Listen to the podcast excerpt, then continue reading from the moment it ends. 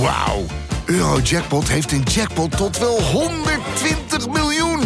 En dat is zoveel money. Daarmee kan je een weekendje weg. Met je vrienden. In space. Koop je lot in de winkel of op eurojackpot.nl. Eurojackpot. Een spel van Nederlandse Loterij. Speelbewust 18+. Plus. Dit is Jong Beleggen, de podcast. Ik ben Milou. En ik ben Pim. Dit is misschien wel de meest trendy en hippe aflevering tot nu toe, want we gaan het hebben over duurzaamheid. Ja, duurzaamheid. Ik vind elke aflevering heel hip die wij maken, maar dit is wel een uh, misschien meer beladen thema. Beladen, ja, want duurzaamheid is zeer gewichtig en serieus. Tegelijkertijd is het ook heel moeilijk om nou precies te zeggen wat het precies is. Het is een heel, heel moeilijk onderwerp. Ja. Iets wat ze noemen een containerbegrip. Ja, inderdaad. Ja. Maar het mooie aan iets wat heel, heel ruim is, dat je het ook zelf goed kan interpreteren en invullen. er is best wel veel mogelijk al, meer dan je denkt. Oh, ik dacht dat het echt iets was wat eigenlijk nou ja, misschien nog helemaal niet bestaat. Dat het misschien een soort sprookje is. Nee, nee, dat is zeker niet hoor. Nee. Oké, dus er valt wel geld te verdienen met absoluut, absoluut. duurzaam beleggen. Zeker. Heel goed. Nou, ik ben heel benieuwd. Laten we dan maar meteen beginnen. Ja, laten we beginnen.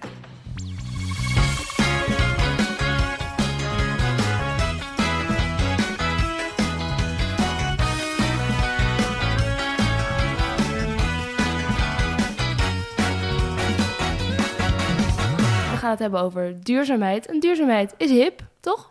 En ja, het is super hip. Alle bedrijven willen duurzaam zijn, alle mensen willen duurzaam zijn, alle aandelen willen duurzaam zijn. Of valt dat toch tegen, denk je? Nou, ik denk wel dat uh, heel veel aandelen duurzaam wo willen worden gezien. Ja?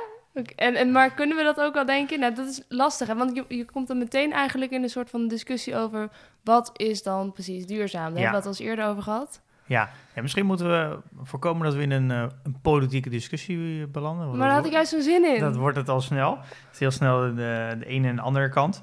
Uh, ja, ik denk dat het goed is om is, is uh, wat is duurzaamheid? En, ja. Maar daar eens mee te beginnen. Wat is het voor jou? Nou, duurzaamheid, dat is meteen zo'n um, zo'n containerbegrip. Er zit, je kan er duizend dingen in stoppen en dan klopt het nog steeds met wat je duurzaam vindt. Je kan het hebben over duurzaam in de zin van uh, dat een bedrijf eeuwig kan blijven voortbestaan. Ik las ook een reactie die we hadden gehad dat duurzaamheid een duurzaam aandeel een aandeel is dat altijd, uh, nou ja, rendeert. Dus dat het altijd geld oplevert. Nou, zo kun je het ook zien. Ik weet niet helemaal of ik daarmee eens ben.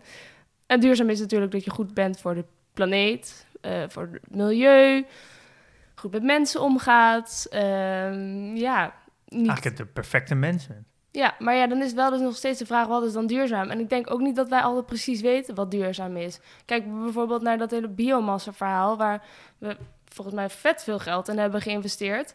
En nu blijkt dat we gewoon dat hout allemaal maar hierin importeren, in grote zeecontainers, om het hier vervolgens te verbranden. Um, en dat is uiteindelijk, ja, levert het ons helemaal niet zo heel veel duurzaamheid op, als ik het uh, zo mag zeggen. Nee. Dus dat is ook weer zonde. Ja, ja nee, ja, dat klopt. Ja, het is een, ik denk dat het, er is ook geen één definitie voor duurzaamheid. En dat maakt het ook gelijk complex voor beleggen.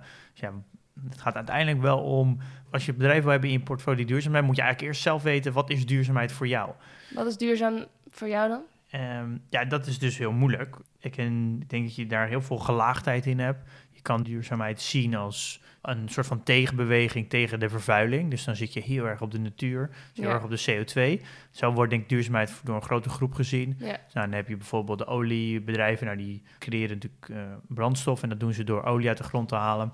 Dat is natuurlijk per definitie niet duurzaam, want op het moment dat je het verbrandt is het weg. En ja, het, dat, dat is natuurlijk ook de uitputting van grondstoffen. Ja, op een gegeven moment is het en dat creëert natuurlijk ook een hoop uitstoot. Ja. Um, en dan zien ze dus heel erg de tegenbeweging, die dus, die dus ook energie opwekt. Uh, en dan neem bijvoorbeeld, uh, nou ja, of nou waterstof is, of, of zon, of wind. Dat, dat wordt gezien als groen, omdat het een tegenbeweging is voor de vervuilende kant. Dat is natuurlijk een manier om naar te kijken. Dus dat is meer een bijna activistische kant van duurzaamheid. Uh, maar je kan ook naar duurzaamheid kijken. En neem bijvoorbeeld Facebook. Facebook heeft heel veel servers in de wereld. die gebruiken allemaal stroom. En je kan eigenlijk wel concluderen dat het het leven zonder Facebook gewoon prima is. En dat we Facebook eigenlijk als bedrijf helemaal niet nodig hebben. in de wat voor te zeggen. Die ja. helemaal niet nodig hebben. Ja. En dan kun je zeggen, dat is toch niet duurzaam? Want het heeft, wat, het heeft geen nut, het bedrijf aan zich. Nou, vinden wij. Dan, ja. ja, nee, maar dat is dan, dat is weer... Dat maar is dat weer met wel meer dingen. Dat, ja, maar dat is natuurlijk hoe je er naar kijkt. Kijk, alles wat, niet, wat jij niet nuttig vindt of wat, niet nodig, wat jij niet nodig acht in de wereld, is natuurlijk in wezen dan een verspilling van energie. Ja, precies. Eh, het is overbodig, ja. Ja, en zo kan je naar duurzaamheid kijken. Nou ja, je hebt Ja. ook nog, wat volgens mij begonnen, dat hoorde ik ergens. Het begon 100 jaar geleden met eh, de christenen in Amerika. Dat zij niet meer wilden beleggen in industrieën waar ze, die ze eigenlijk nou ja, niet ethisch vonden. Dus de tabaksindustrie. En de afgelopen 15 jaar heb ik het idee dat het juist heel erg nou ja, naar de klimaatverandering is gegaan. Dat klopt ook wel. De, de ESG, dat is de Environment Social Governance. Dat zijn eigenlijk de dingen die jij precies noemt. Het gaat over het milieu, de omgeving, een stuk sociaal. Dus hoe behandel je je, je werknemers en ook denk je klanten.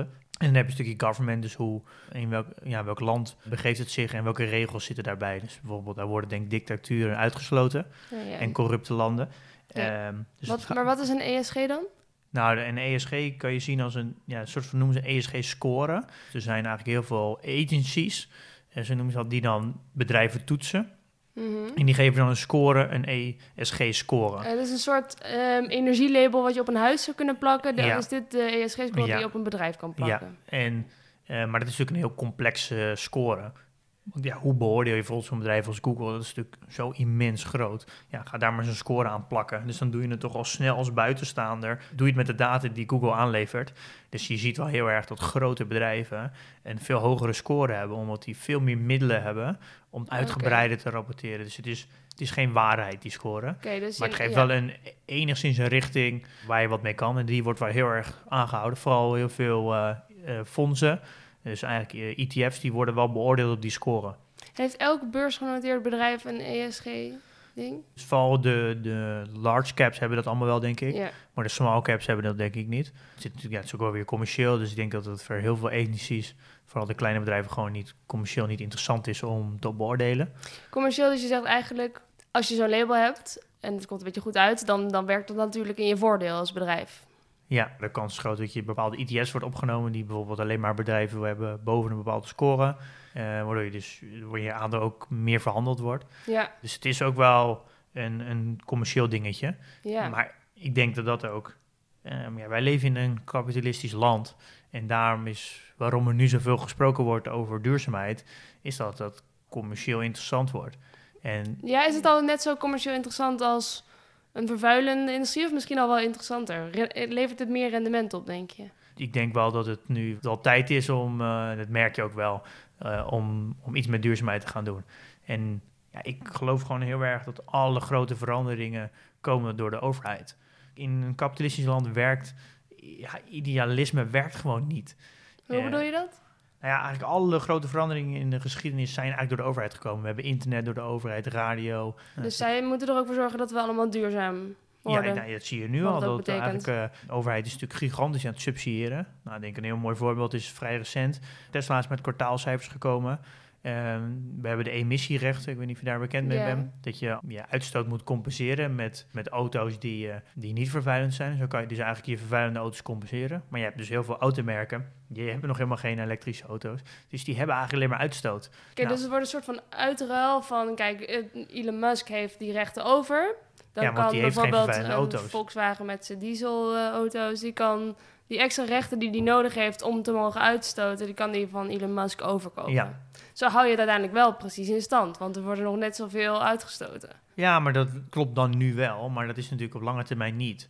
Want de lagende uitstotende auto's verdienen meer. En dat geld wordt waarschijnlijk weer hergeïnvesteerd in het nog beter ontwikkelen van die auto's. Waardoor uiteindelijk die auto's veel goedkoper worden. Ja. En hoogstwaarschijnlijk gaan die emissierechten, die gaan ook steeds duurder worden. Ja. Kijk, en dat is dat dus de overheid die zorgt daarvoor. En waarom nu in één keer duurzaamheid een zo'n groot onderwerp is bij bedrijven, is omdat het gewoon commercieel succes is. Ja. En ik denk dat BlackRock, we hebben het vorige keer over gehad, al Ja. heeft gewaarschuwd. Ehm, die zien zelfs een, e- echt een economische dreiging dat als je nu niet gaat verduurzamen, dat je gewoon over 30 jaar gewoon niet meer bestaat. Ja. Eh, omdat, mm, omdat het eigenlijk gewoon te duur wordt om te vervuilen.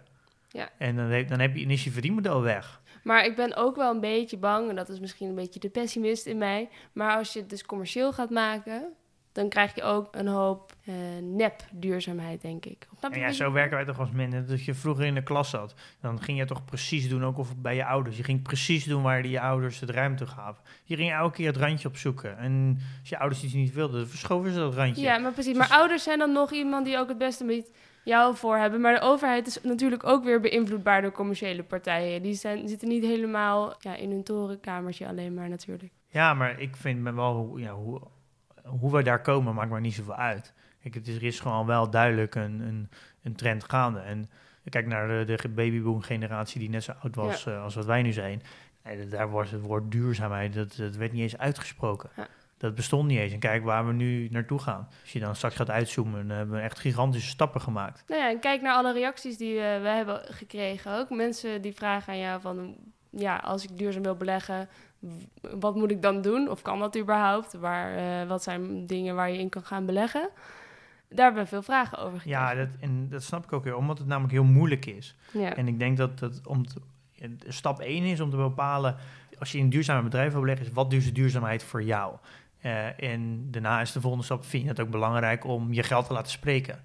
Wat ik net zei over Facebook, ik vind Facebook aan zich niet duurzaam, want ik vind het een bedrijf wat in wezen niet nodig is. Ja. ja dat vind ik in wezen ook met Coca-Cola. Ja. Eh, ja, hoe Steve Jobs het mooi noemen, suikerwater. Ja. Eh, ja, ik vind dat niks toevoegen. ja, ze maken de bevolking ongezonder. Dat is eigenlijk ook niet duurzaam. Ja, onwijs veel suiker. Ja. Ik vind het, het voegt in, ja, vind ik persoonlijk, voegt Coca-Cola niks toe in de wereld. En laten we dan ook even misschien gewoon even, om het voor onszelf iets makkelijker te maken, een soort van definitie van duurzaamheid waar wij het nu dan over hebben. Namelijk misschien wel, wat we ook krijgen uit de reacties, is toch wel de toon dat het moet gaan over klimaatverandering, milieu, eh, natuurbehoud. Ja. Ja, nee, laat, dat, dat- is wel een beetje de, hoe duurzaamheid denk ik, bij de Ja. gewone mensen heel erg leeft. Waar kun je dan in beleggen? Die categorie is wel heel interessant om nu te beleggen. Ik heb even gekeken naar een, eh, een aantal ETF's die vooral, want daar, dat maakt het gewoon veel makkelijker. Eh, omdat het natuurlijk nog steeds, ja, het zijn niet extreem grote bedrijven. Het zijn geen bedrijven die 200 miljard zijn, omdat het allemaal nog groeiende zijn. Het zijn wel allemaal groeibedrijven natuurlijk. En daar moet je dan denken natuurlijk aan windenergie, eh, zonne-energie, water vooral. Daar heb je ook allemaal ETF's Ja, er zijn ook heel veel bedrijven nu die in watertechnologie zitten. Er zijn ook heel veel plekken in de wereld waar water echt heel schaars is. En die Ja. kunnen dat mm, ja, beter zuiveren, eh, goedkoper creëren en ook goed eh, krijgen op heel veel plekken. Nou, ook social impact ETF's heb je, ethical ETF's, ook een soort van efficient carbon heb je ook nog. Eh, dus dat zijn, die stoten dan wel uit, maar dan, die zijn dan extreem efficiënt. Oké. En ook clean energy recycling is ook een interessante. En clean energy, dat zijn een beetje de, eh, zijn ook op de website, dat zijn een beetje de, de termen die gebruikt worden Ja. in ETF's. Ja. En wat ik eigenlijk altijd doe, dat is een beetje mijn trucje als ik bedrijven zoek. Dan typ ik eigenlijk dat in. En nou, bijvoorbeeld clean energy ETF. En dan kom ik een ETF tegen. Nou, dat is vaak van een van de grotere jongens, van iShare of van, van Eck. Dan eh, kijk ik welke bedrijven erin zitten. Dan kijk ik altijd tot top 10. En dan kijk ik hoe groot de weging is en wat hun marktwaarde is. En als de marktwaarde boven de zeg 5, 5 miljard zit, dan is dat interessant. En dan ga ik dat bedrijf specifiek opzoeken. Kijk, en zo kan je wel heel mooi bedrijven vinden. Ja. Ehm, en vaak staat er in zo'n ETF ook nog bijgemeld uit welk land het komt. Maakt het ook interessant. Ja. En dat is eigenlijk een hele mooie manier om, vind ik, om bedrijven te vinden. Ja, ik vind het wel grappig dat het dus blijkbaar wel kan. Want ik had een beetje het idee dat je als passief belegger, dus als je dus in trackers gaat zitten en ETF's, dat het gewoon heel moeilijk is om echt te weten waar je in zit. En dus ook niet precies kan weten of die duurzaam zijn. Nee, dat kan wel zeker. Dat zijn Ja. zeker wel ETF's. Je moet alleen wel nagaan dat ze niet alle ETF's zijn verkrijgbaar in Nederland bij Nederlandse brokers. En een ander deel is dat ze vaak wat duurder zijn.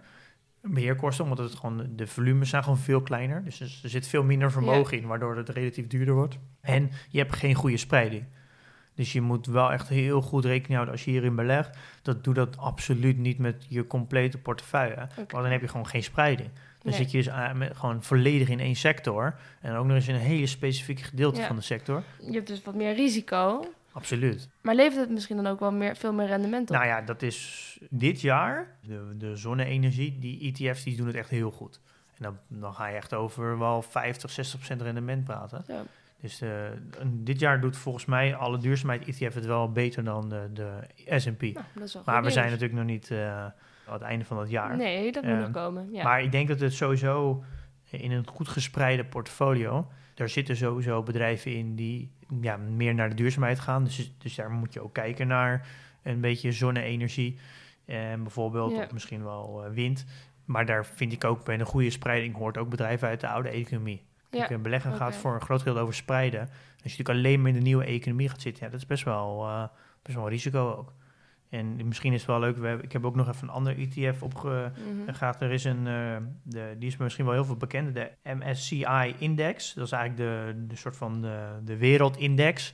Daar zitten eigenlijk alle bedrijven in de wereld in, hebben een wereldwijde spreiding. En die heeft ook een MSCI World Custom ESG-index. En dat is eigenlijk dezelfde index, Ja. eh, maar dan met die eh, ESG erin. En daar komt, komt er eigenlijk op neer dat het een soort van... Het is dezelfde index, alleen daar worden bedrijven uitgesloten.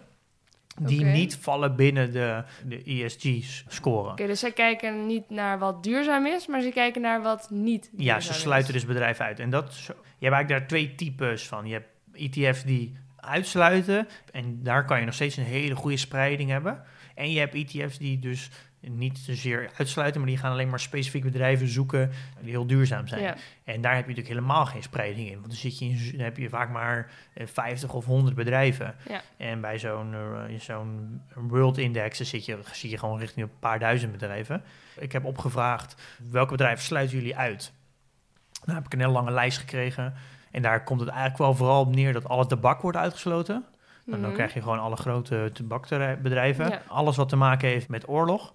Wapens. Eh, je wapen, ja, wapens, ik ik zag naar. ook van de, ja, de, de- dus de controversiële wapens, daar zitten ze dus niet in. Nee, Vaak zijn er ook niet controversiële Ja. wapens. nou, er is gewoon afgesproken wereldwijd welke wapens wel en niet geaccepteerd zijn. Ja, En Nou dat ja. is bijvoorbeeld de clusterbommen, die vallen dus daaronder. Die mogen dus, mogen dus niet. Eh, maar de Molotov cocktail, die is oké.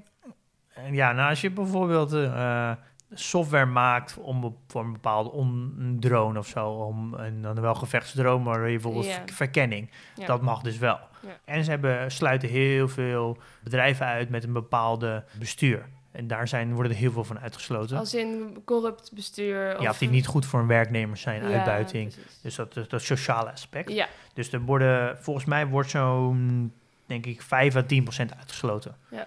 Eh, als je toch gespreid wil beleggen en je wil passief beleggen, dan is dit wel iets waar je naar kan kijken. Ja. Dan heb je eigenlijk alles wat je als belegger nodig hebt, maar dan sluit je toch de echt slechte bedrijven uit. Ja. En oliebedrijven worden trouwens ook uitgesloten. oké. Maar dat is in ieder geval al, al een hele makkelijke stap als passieve belegger om dat niet te doen. Ja, en wat misschien ook wel makkelijk is, en wat je ook vaak hoort eh, onder de passief beleggers die nog bij de banken beleggen, dat je gewoon bij Triodos koop je gewoon zo'n eh, groen mandje, of eh, hoe werkt dat überhaupt? Ik weet het niet. Een groen fonds. Ja, Kun je bij Triodos, schijnt een groene bank te zijn. Je hebt ook laatst die reclames van de ASN met het overheersbeestje en de korte Ja. termijn tonijn. Maar elk, bank heeft wel een groen... eh, alle Nederlandse banken hebben allemaal een... een- Ja. Als je daar beheerd beleggen doet, heb je daar wel een, een duurzaamheidsfonds. En levert, Is dat dan een slim ding als je per se duurzaam wil beleggen en niet zoveel zin hebt om specifiek de ETF's uit te zoeken? Nou ja, ik zou dat sowieso nooit doen, want je betaalt echt een godsvermogen voor Ja. om daar te beleggen. Het blijft een bank. Eh, Ja. Dus dat zou ik niet doen. Wat je wel kan doen, is eh, naar kijken hoe die index eruit ziet. Ehm, en dan kan je dat zelf opzoeken, want die ETF is in die vorm ook wel erg zelf te krijgen. Ik, ik vind wel, ja, je, je wil wel gewoon dat het jaarlijks meer wordt. Je bent ervoor aan het werk en je zet het opzij dat het ook meer gaat worden. Je, en je wil ook niet te veel risico nemen, want ja, dus je moet daarin alles wel meenemen, vind ik. Ik vind dat in elke portfolio hoort wel iets van duurzaamheid te zitten. Maar dat moet wel allemaal binnen de mate zijn dat je niet te veel risico's neemt, dat je wel rendement blijft halen. Eh, maar ik denk wel dat het steeds interessanter wordt, steeds meer mogelijk is om, Ja. omdat duurzaamheid gewoon onwijs beloond wordt nu. Het is echt een, het is een, er is onwijs veel maatschappelijke druk. eh, en het wordt vanuit overheden wordt het extreem gefinancierd. Je krijgt nu heel veel industriepolitiek. Nou, en, eh, ze zijn in Europa zijn ze eigenlijk een beetje aan het vechten. Welk land gaat nu zich heel erg focussen op eh, waterstof? Nou, waterstof is echt nog wel 10, 20 jaar vooruit. Voordat het echt interessant wordt. En dat gaat Ja. vooral voor de industrie interessant Mhm. worden, niet voor auto's. En ik begreep dat Groningen, die, wil, die zit zich heel erg aan het positioneren voor de waterstofstad. die wil daar de bedrijven naartoe trekken. Die wil daar kenniscentrums opbouwen en testcentrums. Zodat over 10, 20 jaar dat Groningen bekend staat om de, de waterstofstad. En zo zijn eigenlijk, dat noem je een beetje industriepolitiek. Ja, Er zijn heel veel steden en landen zijn eh, ja, nu zich al positioneren, zodat over misschien over x, ja, 10, 20 jaar eh, ze een hele sterke positie hebben. ja dat ze voorsprong hebben op de rest en dat Ja. iedereen bij hun komt vragen. ja, en dat Ja. is een beetje wat we natuurlijk ook zien, ook met elektriciteit, Ja, met elektrische auto's. Kijk, Nederland is nummer één in de dichtheid van laadpalen in de wereld. Ja, dat, ja, dat is kijk, dus als we dit door kunnen trekken, omdat je zoveel laadpalen hebt, heb je onwijs veel bedrijven die die laadpalen moeten zetten. Hebben we heel veel Nederlandse bedrijven die laadpalen maken. Je krijgt een ecosysteem ja, van, die, van bedrijven die er allemaal aan gaan werken. En wat gaat er gebeuren voor landen die daar tien jaar later mee komen? Die gaan die kennis afnemen. die moeten betalen. Ja, en dan gaan Nederlandse bedrijven dus kunnen, die kunnen dat verkopen aan andere landen. En zo, Ja. zo creëer je eigenlijk een industrie Ja. die er eigenlijk niet is. Maar die industrie moet wel een handje geholpen worden. Ja. Wist je dat zelfs onze jeugd wordt geïndoctrineerd met laadpalen? Ik was laatst eh, in een speeltuin en er was een klimrek en een schommel en een wipwap. En er was ook een, eh, een bordje met een auto eraan en daar hing een snoer aan. Maar zo'n nepsnoer, weet je wel, waar je zogenaamd dus even je fiets of je auto in kon steken Oh, als je ervoor grappig, ging staan. ja. Nou ja, onze jeugd moet misschien later ook wel allemaal in de laadpaalindustrie gaan werken. Ja, of in nou, ieder geval een elektrische auto kopen. Ja, nou, ik, ja ik, de kans is heel groot dat die kinderen die in die speeltuin nooit meer een benzineauto gaan rijden. Nee. Wat me trouwens ook nog aan het denken heeft gezet, eh, is nog een berichtje dat we binnenkregen. Eh, dat was van Mark en dat ging over economische groei en of dat, nou ja, nee, over groei in het algemeen. Nou, ik lees het wel even voor. Duurzaamheid gaat me erg aan het hart, maar in mijn ogen is duurzaam beleggen soms bijna een paradox. Als de markt op lange termijn altijd blijft stijgen, waar komt die waarde dan vandaan? Alle natuurwetten zeggen dat what goes up must come down. Waarom zou dit voor de markt niet zo zijn? Dus de economie is eigenlijk een systeem gebaseerd op oneindige groei op een eindige planeet. En dat lijkt mij per definitie dus niet duurzaam. Hoe zien jullie dat? Ja, leuke topics om over, eh, om over te praten. Ja. Nou, ik denk ik- dat hij wel een punt heeft ook. Ik snap die gedachte op zich wel, maar dat het groeien dus alleen maar komt dat, dat we groei halen uit de planeet, dus uit de aarde. Nou, dat is natuurlijk niet waar. Waar halen eh, we het dan vandaan? De, nou, de grootste groei komt door innovatie en door meer mensen. Als je meer mensen hebt, kan je meer produceren. En als we, en we innoveren, we kunnen dus meer uit hetzelfde halen. We Ja. kunnen, als vergelijk met eh, 40 jaar geleden, meer uit een uur halen dan toen. Ehm, Uit meer uit een uur in welk opzicht dan? nou ja, alleen dan noemen we gewoon een fabriek. Vroeger werd de auto in elkaar gezet door 120 mensen. Nu wordt de auto in elkaar gezet met vijf mensen en de rest gebeurt met een robot. Ja, en wij bepalen dat dat waarde is. Dat er extra waarde wordt geproduceerd eigenlijk in een uur. Nou ja, dat is eigenlijk heel simpel. Je kan, vroeger kon je 10 auto's per uur bezingen, nu kan je er 100. Dus je, ja, als je ze ook al 100 kan verkopen, dan kan je er dus 90 meer verkopen dan vroeger. Maar dan ga je er dus ook vanuit eigenlijk dat dat oneindig kan doorgroeien. Ja, dat komt tot nu toe constant, omdat er meer mensen zijn die een auto willen. Maar je zegt ook altijd de groei gaat op een gegeven moment wel afvlakken. Nou, dat, dat gaat ook zeker gebeuren. Eh, omdat, nou, dat zie je in Japan, dat noemen ze nu een zombie-economie. Dat is sinds de midden jaren 90 tot nu eigenlijk gelijk gebleven. Dus er is geen, gewoon geen economische groei meer. Ja. Ehm, nou, ja, dat is dus eigenlijk een beetje waar Mark ook naar refereert. Van de, hoe kan dat constant groeien? Daar is da- het namelijk gestopt. Ja. Daar is het gewoon gestopt. En het heeft eigenlijk... Ze zijn nog steeds aan het onderzoeken hoe dat nou precies gekomen is. Maar daar, wat eigenlijk de meest liggende conclusies zijn... dat gewoon de vergrijzing. Er is gewoon een hele grote groep mensen in Japan dat gewoon niet meer werkt. Eh, dus heb je gewoon minder werkenden. En ja, mensen die, die niet werken, die nemen ook minder af. Dus je, je, je, ja, je afzetmarkt wordt krimpt. ja. Eh, ja, en dat zorgt natuurlijk, als je minder mensen hebt om te verkopen, dan krijg je, kan je, is het moeilijker om groei te stimuleren. En dan hebben we innovatie. Is dat de, daar hebben we ook een conclusie dat heel veel bedrijven, vooral slechte bedrijven, zijn in de begin jaren 90, toen het heel erg slecht ging in Japan, in de lucht gehouden. Waardoor er eigenlijk een groot deel van de economie zit in bedrijven die niet innoveren. Eh, een beetje dode bedrijven noemen ze dat. Mm. Eh, waardoor er dus eigenlijk geld wordt niet meer genoeg besteed aan het verbeteren, aan het innoveren. En als je natuurlijk geen innovatie hebt, ja, dan heb je ook geen groei. Ja, zo- zo Ehm. snap ik. Ik snap, wat- ik snap wat je zegt. En Maar dat is op een hele korte termijn en dat is alleen in Japan. Maar stel nu dat je zegt van dus we hebben eigenlijk te weinig mensen die te veel in, die genoeg innoveren en genoeg nieuwe spullen maken. eh, en meer waarde creëren, we- weet ik veel. Maar als de hele wereld alleen maar meer mensen gaat maken en alleen maar meer spullen gaat maken, op een gegeven moment, wat Mark ook zegt, de planeet is eindig. Ik denk wel dat hij daar een punt heeft. Dat gewoon dus op een gegeven moment gewoon een beetje op is. Dat er niet meer fossiele grondstoffen zijn die we uit de grond kunnen halen. Dat er niet genoeg lithium meer is om eh, zonnepanelen mee te maken. En wat moeten we dan doen? Nou ja, dan Nou, kunnen we niet echt meer doorgroeien, lijkt me. Nou ja, maar dat is natuurlijk, dat kan ik me wel heel goed voorstellen. Maar dan is het heel erg, de dan is, zitten een paar aannames in dat groei natuurlijk alleen maar komt vanuit fossiele brandstof. Nee, nee, Nou, nee, dat, ik noem een paar voorbeelden. Ik kan onmogelijk alle ja, voorbeelden maar dat noemen. komt natuurlijk ook, heeft nu ook te maken dat nu is fossiel, we hebben dat eh, de afgelopen zeg 50 jaar zo geoptimaliseerd om eigenlijk olie uit de grond te halen. Het proces is zo efficiënt geworden, omdat we daar gewoon 50 jaar lang eh, geld tegen hebben aangegooid om wat te verbeteren. Ja, En daardoor is dat nu gewoon de goedkoopste manier om stroom op te wekken. Je moet wel denken aan die ontwikkelingscurve, die vaak niet wordt meegenomen. Kijk, als je nu waterstof vergelijkt met eh, elektrisch rijden, ja, dan is waterstof niet, niet vergelijkbaar. Maar dat komt door waterstof gewoon een 10, 20 jaar ontwikkeling achterloopt. Dus eigenlijk al het geld wat we de afgelopen 50 jaar hebben ingestopt om olie uit de grond te halen, als we Ja. dat geld steken in, in eh, duurzame energie opwekken, dan weet ik zeker dat we op een punt komen dat het goedkoper wordt om duurzame energie te creëren dan olie uit de grond te halen. ja. en ik, eh, ik, ben, ik vind het heel leuk dat jij ook zo optimistisch bent over. En ik denk ook dat je daar een punt in hebt. Ik geloof ook in het vermogen van de mens om te innoveren en eh, ja, de problemen die we tegenkomen op te lossen. Tegelijk denk ik ook, als we dus die graden opwarming hebben van een Parijsakkoord, weet je wel, anderhalf tot twee graden, als we daar binnen blijven en dat lukt, dan zitten we nog redelijk goed. Maar vanaf daarna kan het ook in versnelling komen wat er gebeurt met de planeet. En de stormen die we krijgen, de overstromingen, de droogte, Ja. de vluchtelingen voor het klimaat. Nou, ik ben er Eh, wel ik ben er Hoeveel groei kun je dan tegelijkertijd nog hebben als we nog niet goed genoeg zijn met de nou, duurzame ik ben energie? ermee eens dat we, dat we hier eigenlijk als, als wereld te laat mee zijn begonnen. En daar gaan wij een rekening voor krijgen. Dat ben ik helemaal met je eens. Ja. En dat gaat ik denk dat gepaard met, met misschien wat economische eh, daling zelfs. Maar dat betekent, ik geloof wel in een extreem herstellend vermogen in de mens en natuur. Dat, ja, als, je dat, als dat eenmaal gebeurt, dan ja, geeft het 10, 20 jaar en dat herstelt zich dan weer. Eh, Ja. Daar geloof ik wel in. En je bent ook niet bang voor dat het, herstellend vermogen van de natuur inhoudt dat de natuur de mens moet uitroeien om de natuur in stand te houden? Nee, dat geloof ik niet. Nee. Nee. Nee, dat denk ik niet. En ik denk, ik hou heel erg van, dat noem je een soort van first principle thinking.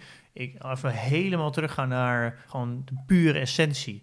Eh, als je daar een, een paneeltje kan ophangen, plaats daar een accu aan, dan kan je in, heb je in wezen oneindig stroom. Hoef je niks meer voor te doen. Als de zon schijnt. Ja, als de zon schijnt. Nee, ja. Maar als je het, de zon schijnt op heel veel plekken genoeg, eh, dan plaats daar een eh, klein windmolentje bij. En je, je hebt in wezen voor, je, voor jou als mens, heb je daar in principe voor je hele leven genoeg stroom.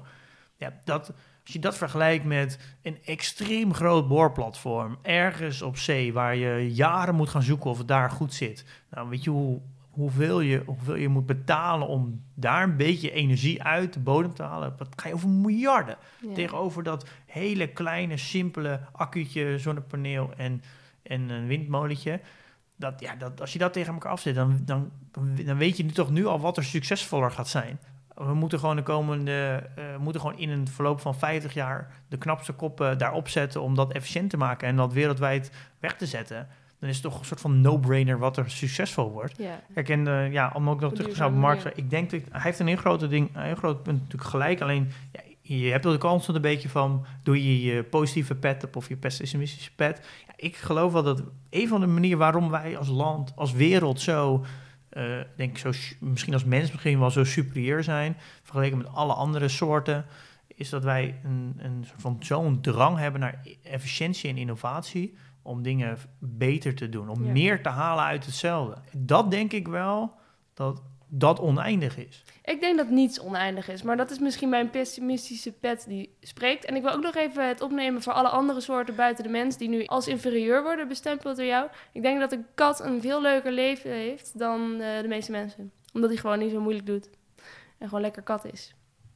Ja, dus nee. in die zin zijn katten superieur. Ja, dat is net weer hoe je er naar kijkt, denk ik. Ja, Ja. dat ook weer. Ja. Dus in het kort, nog een samenvattend woord voor duurzaam beleggen. Bestaat het? Of is het Ehm, een sprookje? Nee, nee, ik denk zeker dat het bestaat. En om het ehm, helemaal mooi samen te vatten, is het denk ik heel belangrijk dat je je eigen blik op de wereld ontwikkelt.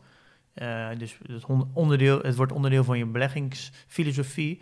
Ja, denk er goed over na. Waar gaat de wereld naartoe? Of ook op duurzaamsgebied. En daar kan je wel zeggen dat daar dan ook een, een commercieel gewin in zit. Ja. En ik denk dat je, als je er op zo'n manier naar kijkt, dat je zowel duurzaam kan beleggen als rendement kan pakken. Oké. Helder. Dan gaan we naar het nieuws. Ja? Wat is in het nieuws? Oh ja, ik, las, ik werd gisteren om mijn oren geslagen met nieuws over eh, goud.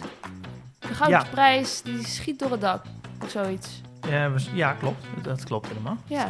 En dan heb ik ook me laten vertellen dat eh, goud dus in, in elke crisis eigenlijk goed doet. Ja, klopt. Hoe komt dat? Ehm, nou, de, we hebben natuurlijk gewoon een, we hebben een, een valuta in de wereld. Nou, meerdere, maar dollar is, is wel de meest eh, bekende. En de waarde van dollar, we hebben de waarde van dollar bedacht in wezen. Eh, dat is dat nergens aan gekoppeld. Nee. Ehm, dus wat gebeurt er als je meer dollars drukt? Dan komt er een overvloed aan geld, Ja. waardoor je in principe geld minder waard wordt. Ja. Dus ja, wat gaan mensen dan doen? Die vluchten naar plekken wat meer waarde vast is op dat moment. Ja, En maar je is- al meer waarde vast.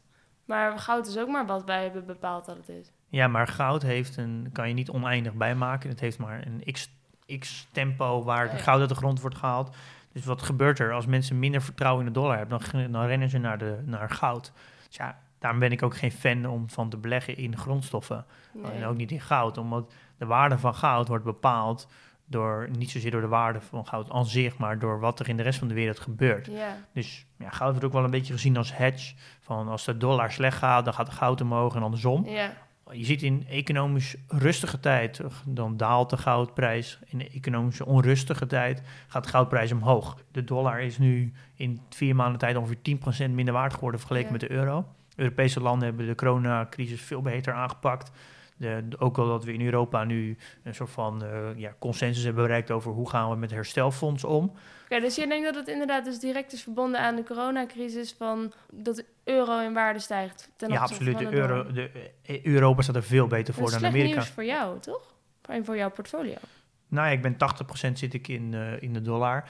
Ja, slecht nieuws. Kijk, dit is gewoon een, een moment nu dat de dollar gewoon zwakker is dan de euro. De euro en dollar die, die springen sowieso al een beetje heen en weer de afgelopen eh, 20 jaar. Nou, je kan het ook zo zien. Je kan nu 10% goedkoper dollar aandelen kopen. Eh, zo kan je het ook zien. Ja. Ik maak me hier niet zo druk om. Ik geloof wel dat de dollar op een gegeven punt wel weer, eh, weer zijn waarde gaat pakken. Staat je goed, die optimistische pet. Ja. ja. Ehm, verder nog nieuws? Ehm, Ja, wilde jij nog iets over Facebook en Alphabet? Ja, ik wilde eigenlijk nog wel wat zeggen over de grootste bedrijven in de wereld. De, die hebben een monopolie. Nou, dat is praten over Apple, eh, Google, Facebook, Amazon, Alphabet, dat is Google. En die hebben een extreme monopolie. Eh, en het lijkt heel erg alsof ze geen monopolie hebben. eh, Omdat er eigenlijk op alle, alle producten die ze aanbieden wel een vorm van concurrentie is. En dat doen ze natuurlijk heel slim. Daar is, wordt al, nou, ik denk al tien jaar over gesproken in Amerika dat die bedrijven opgebroken moeten worden. Ze hebben te veel invloed, zijn Ja. te machtig geworden. En misschien wel leuk om te zien dat een, een eh, ik, weet niet precies wanneer, maar zo'n twintig jaar geleden is, eh, was de tabaksindustrie ook heel groot. En dat was heel erg geconcentreerd ook. En toen Mhm. hebben de overheden ook gezegd dat, het, eh, dat ze te veel monopolie hadden. Toen hebben ze dus de tabaksbedrijven opgeknipt. En dat is ook gebeurd. Dat is, dat is, in, dat is misschien wel de, het grootste in de geschiedenis. Is in 1910 zijn, eh, De is Seven e- Sisters. Hm? De Seven Sisters. Dat oliebedrijven in de Verenigde Staten. Ja, dat klopt, ja. ja dat is de, bij het Standard Oil- is Ja. het opgeknipt in eh, zeven bedrijven, ja. Dat was dat in 1910? 19, ik wist niet dat de Seven Sisters heette, maar dat Ja, klopt. dat hebben ze toen eh opgeknipt Ja. in zeven bedrijven. maar dat en waren, toen waren dus alle olieproductie in de wereld was voor 91% in handen van één bedrijf. Ja, En dat hebben ze opgeknipt in zeven bedrijven en uiteindelijk zijn daar vier grote bedrijven uitgekomen ehm, die, nu, die nu bekend zijn. Dat is Axon Mobile, Chevron, Marathon en BP. Mhm. Eh, dus het, het is in het verleden wel vaker voorgekomen dat bedrijven zijn opgesplitst. De, ja, er is best wel een reële kans dat ze dat gaan doen met Apple, Amazon, Google, Facebook. Daar wordt heel veel over gesproken. Ik denk dat het ook een onderdeel wordt van de verkiezingsstrijd in Amerika. En eh, ik denk dat als je belegt in de grote technologiebedrijven, dat dit je grootste risico is, die opsplitsing. ja.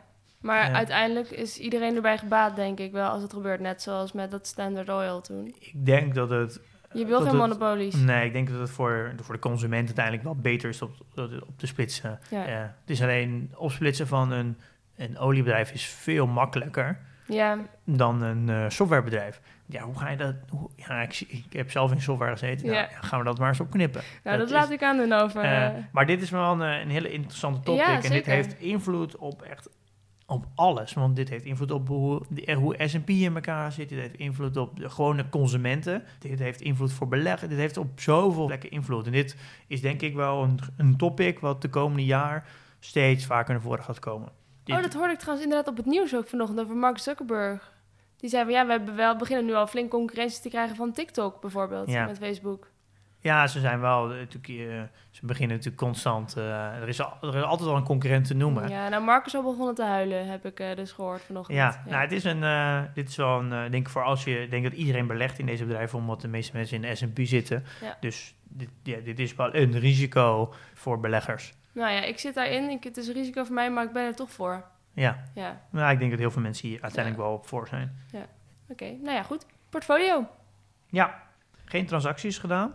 Hmm. Ehm kom maar gewoon even net niet aan toe. Net te veel druk de laatste, laatste weken.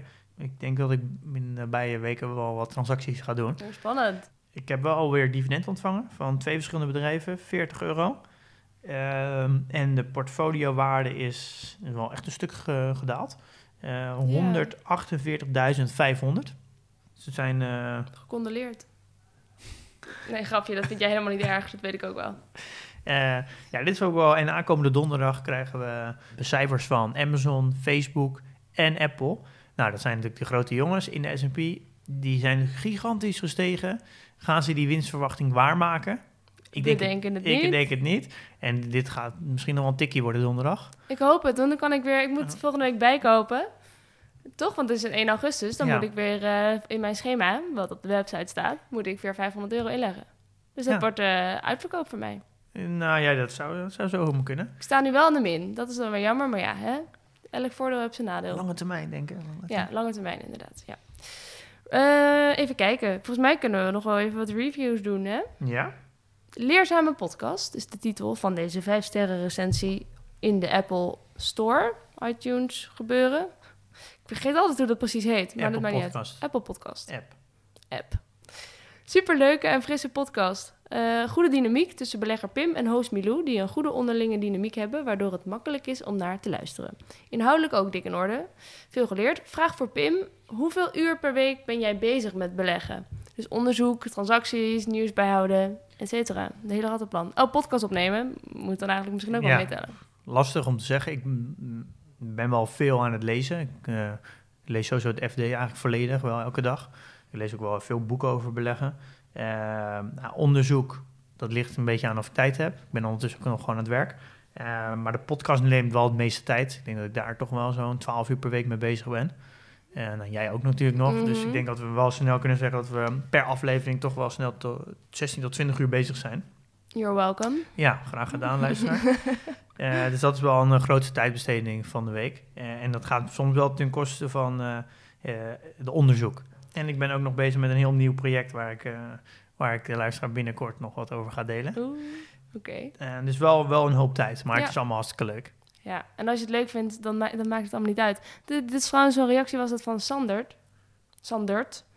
Ehm, 98 staat achter zijn naam. Dus een, als dat het jaartal is waarin hij is geboren. Dat is een, een relatief echt jong belegger. Ja, wel eigenlijk jaloers dat hij zo jong eh, aan het begin is. Ja, heel goed bezig, Sander. Oké, we hebben weer vijf sterren door de tv. Luistert lekker weg, leuke podcast. Milou en Pim weten het eh, heel leuk te brengen. Ik vind het heel handig en fijn dat Pim de luisteraar meeneemt in zijn portfolio en zijn keuzes toelicht. Ga zo door. Ik kijk uit naar de volgende aflevering. Dankjewel.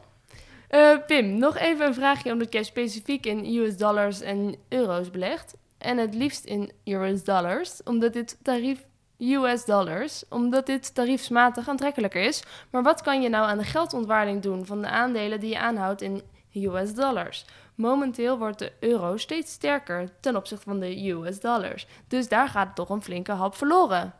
Ja, nee, dat klopt. Mooie vraag. Je, je kan gewoon niet elke risico uitsluiten. Ik denk als je alle risico's uitsluit, dan moet je het, al het geld op de bank zetten. Eh, dan neem je geen risico's. Mhm. Eh, dus je moet daar toch keuzes maken. Eh 80% in dollar is misschien een hoog percentage. Maar ja, als de euro weer slecht, slecht had gedaan, dan had ik zeggen, ja, dan heb je het goed gedaan. Ja, misschien ben ik daar wat, wel misschien wat naïef in. Maar ik denk als ik echt voor 30 jaar beleg, dat ik gewoon daar niet zo'n heel groot probleem zie. Omdat ik wel denk dat de dollar gewoon wel een wereldwijde geaccepteerde valuta is. Dat zich altijd wel weer gaat herstellen. Ja, Dus ik zie daar niet zo'n heel groot probleem in. Ik denk het belangrijkste vind ik dat be- dividendbedrijven eh, in Amerika gewoon een dividend veel heiliger maken dan Europese bedrijven. En in Europa, vooral in Nederland, krijg je heel snel dat, dat ook bonussen en dividend, dat mag niet als het een keer slecht gaat. Dat wordt gelijk gekort. En dat heb je eigenlijk veel minder in Amerika. Dus. Ik vind de, soort van de veiligheid van het dividend betalen, vind ik in Amerikaanse bedrijven groter. En daardoor beleg ik liever op dividendgebied in Amerikaanse bedrijven. Ja, Eh, en daardoor ben ik automatisch, heb ik een hogere exposure ja. naar de dollar. Ja. Ja. dat neem, ja, dat hoort er dan bij. Dit risico zit er gewoon in en dat accepteer ik dan gewoon. precies. Ik snap het. Ik snap het helemaal. Volgende week gaan we het hebben over ETF's. Dus gewoon wat, ja, wat gaan we precies doen? Ehm, ik denk dat een heel groot gedeelte van, eh, van de luisteraars die belegt in ETF's. Begint met een ETF en misschien begin met een keer naar losse aandelen. En we hebben natuurlijk al heel even kort gehad over de S&P eh, en de, de All World ETF. Ehm, maar het lijkt me wel leuk om, om eens een keer verder te kijken. Want ETF's heb je in alle kleuren en maten. En een dedicated aflevering over wat voor ETF's heb je allemaal. Eh, en daarna is gewoon doornemen van wat zijn de risico's per ETF, wat kost het, wat voor types heb je, wat voor uitgevers heb je allemaal. Om gewoon even Ja. het helemaal hebben over alles, gewoon volledig te hebben over ETF's. Ja, vet handig. En jij hebt ook net een nieuw nichtje gekregen. Ja, ik ben eh, eh, trotse oom geworden. Gefeliciteerd nog een keer. Eh, en ik heb als cadeautje een eh, beleggingsrekening gegeven. Ja, Ehm, en die ga ik ook mm, een soort van beheren. En dat, ik ga dat niet in losse aandelen doen, maar dat ga ik in ETF's doen.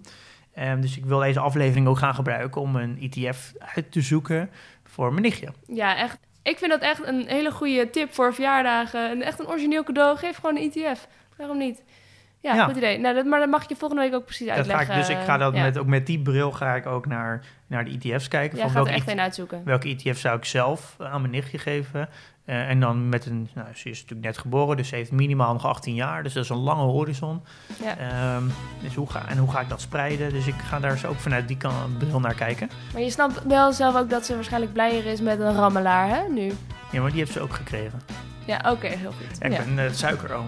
ja ook heel goed. goed, nou, ik ben heel benieuwd. Ehm, nou, volgende week dus meer over ETF's. En tot die tijd, veel plezier met beleggen. Tot volgende week. Tot volgende week. Doei!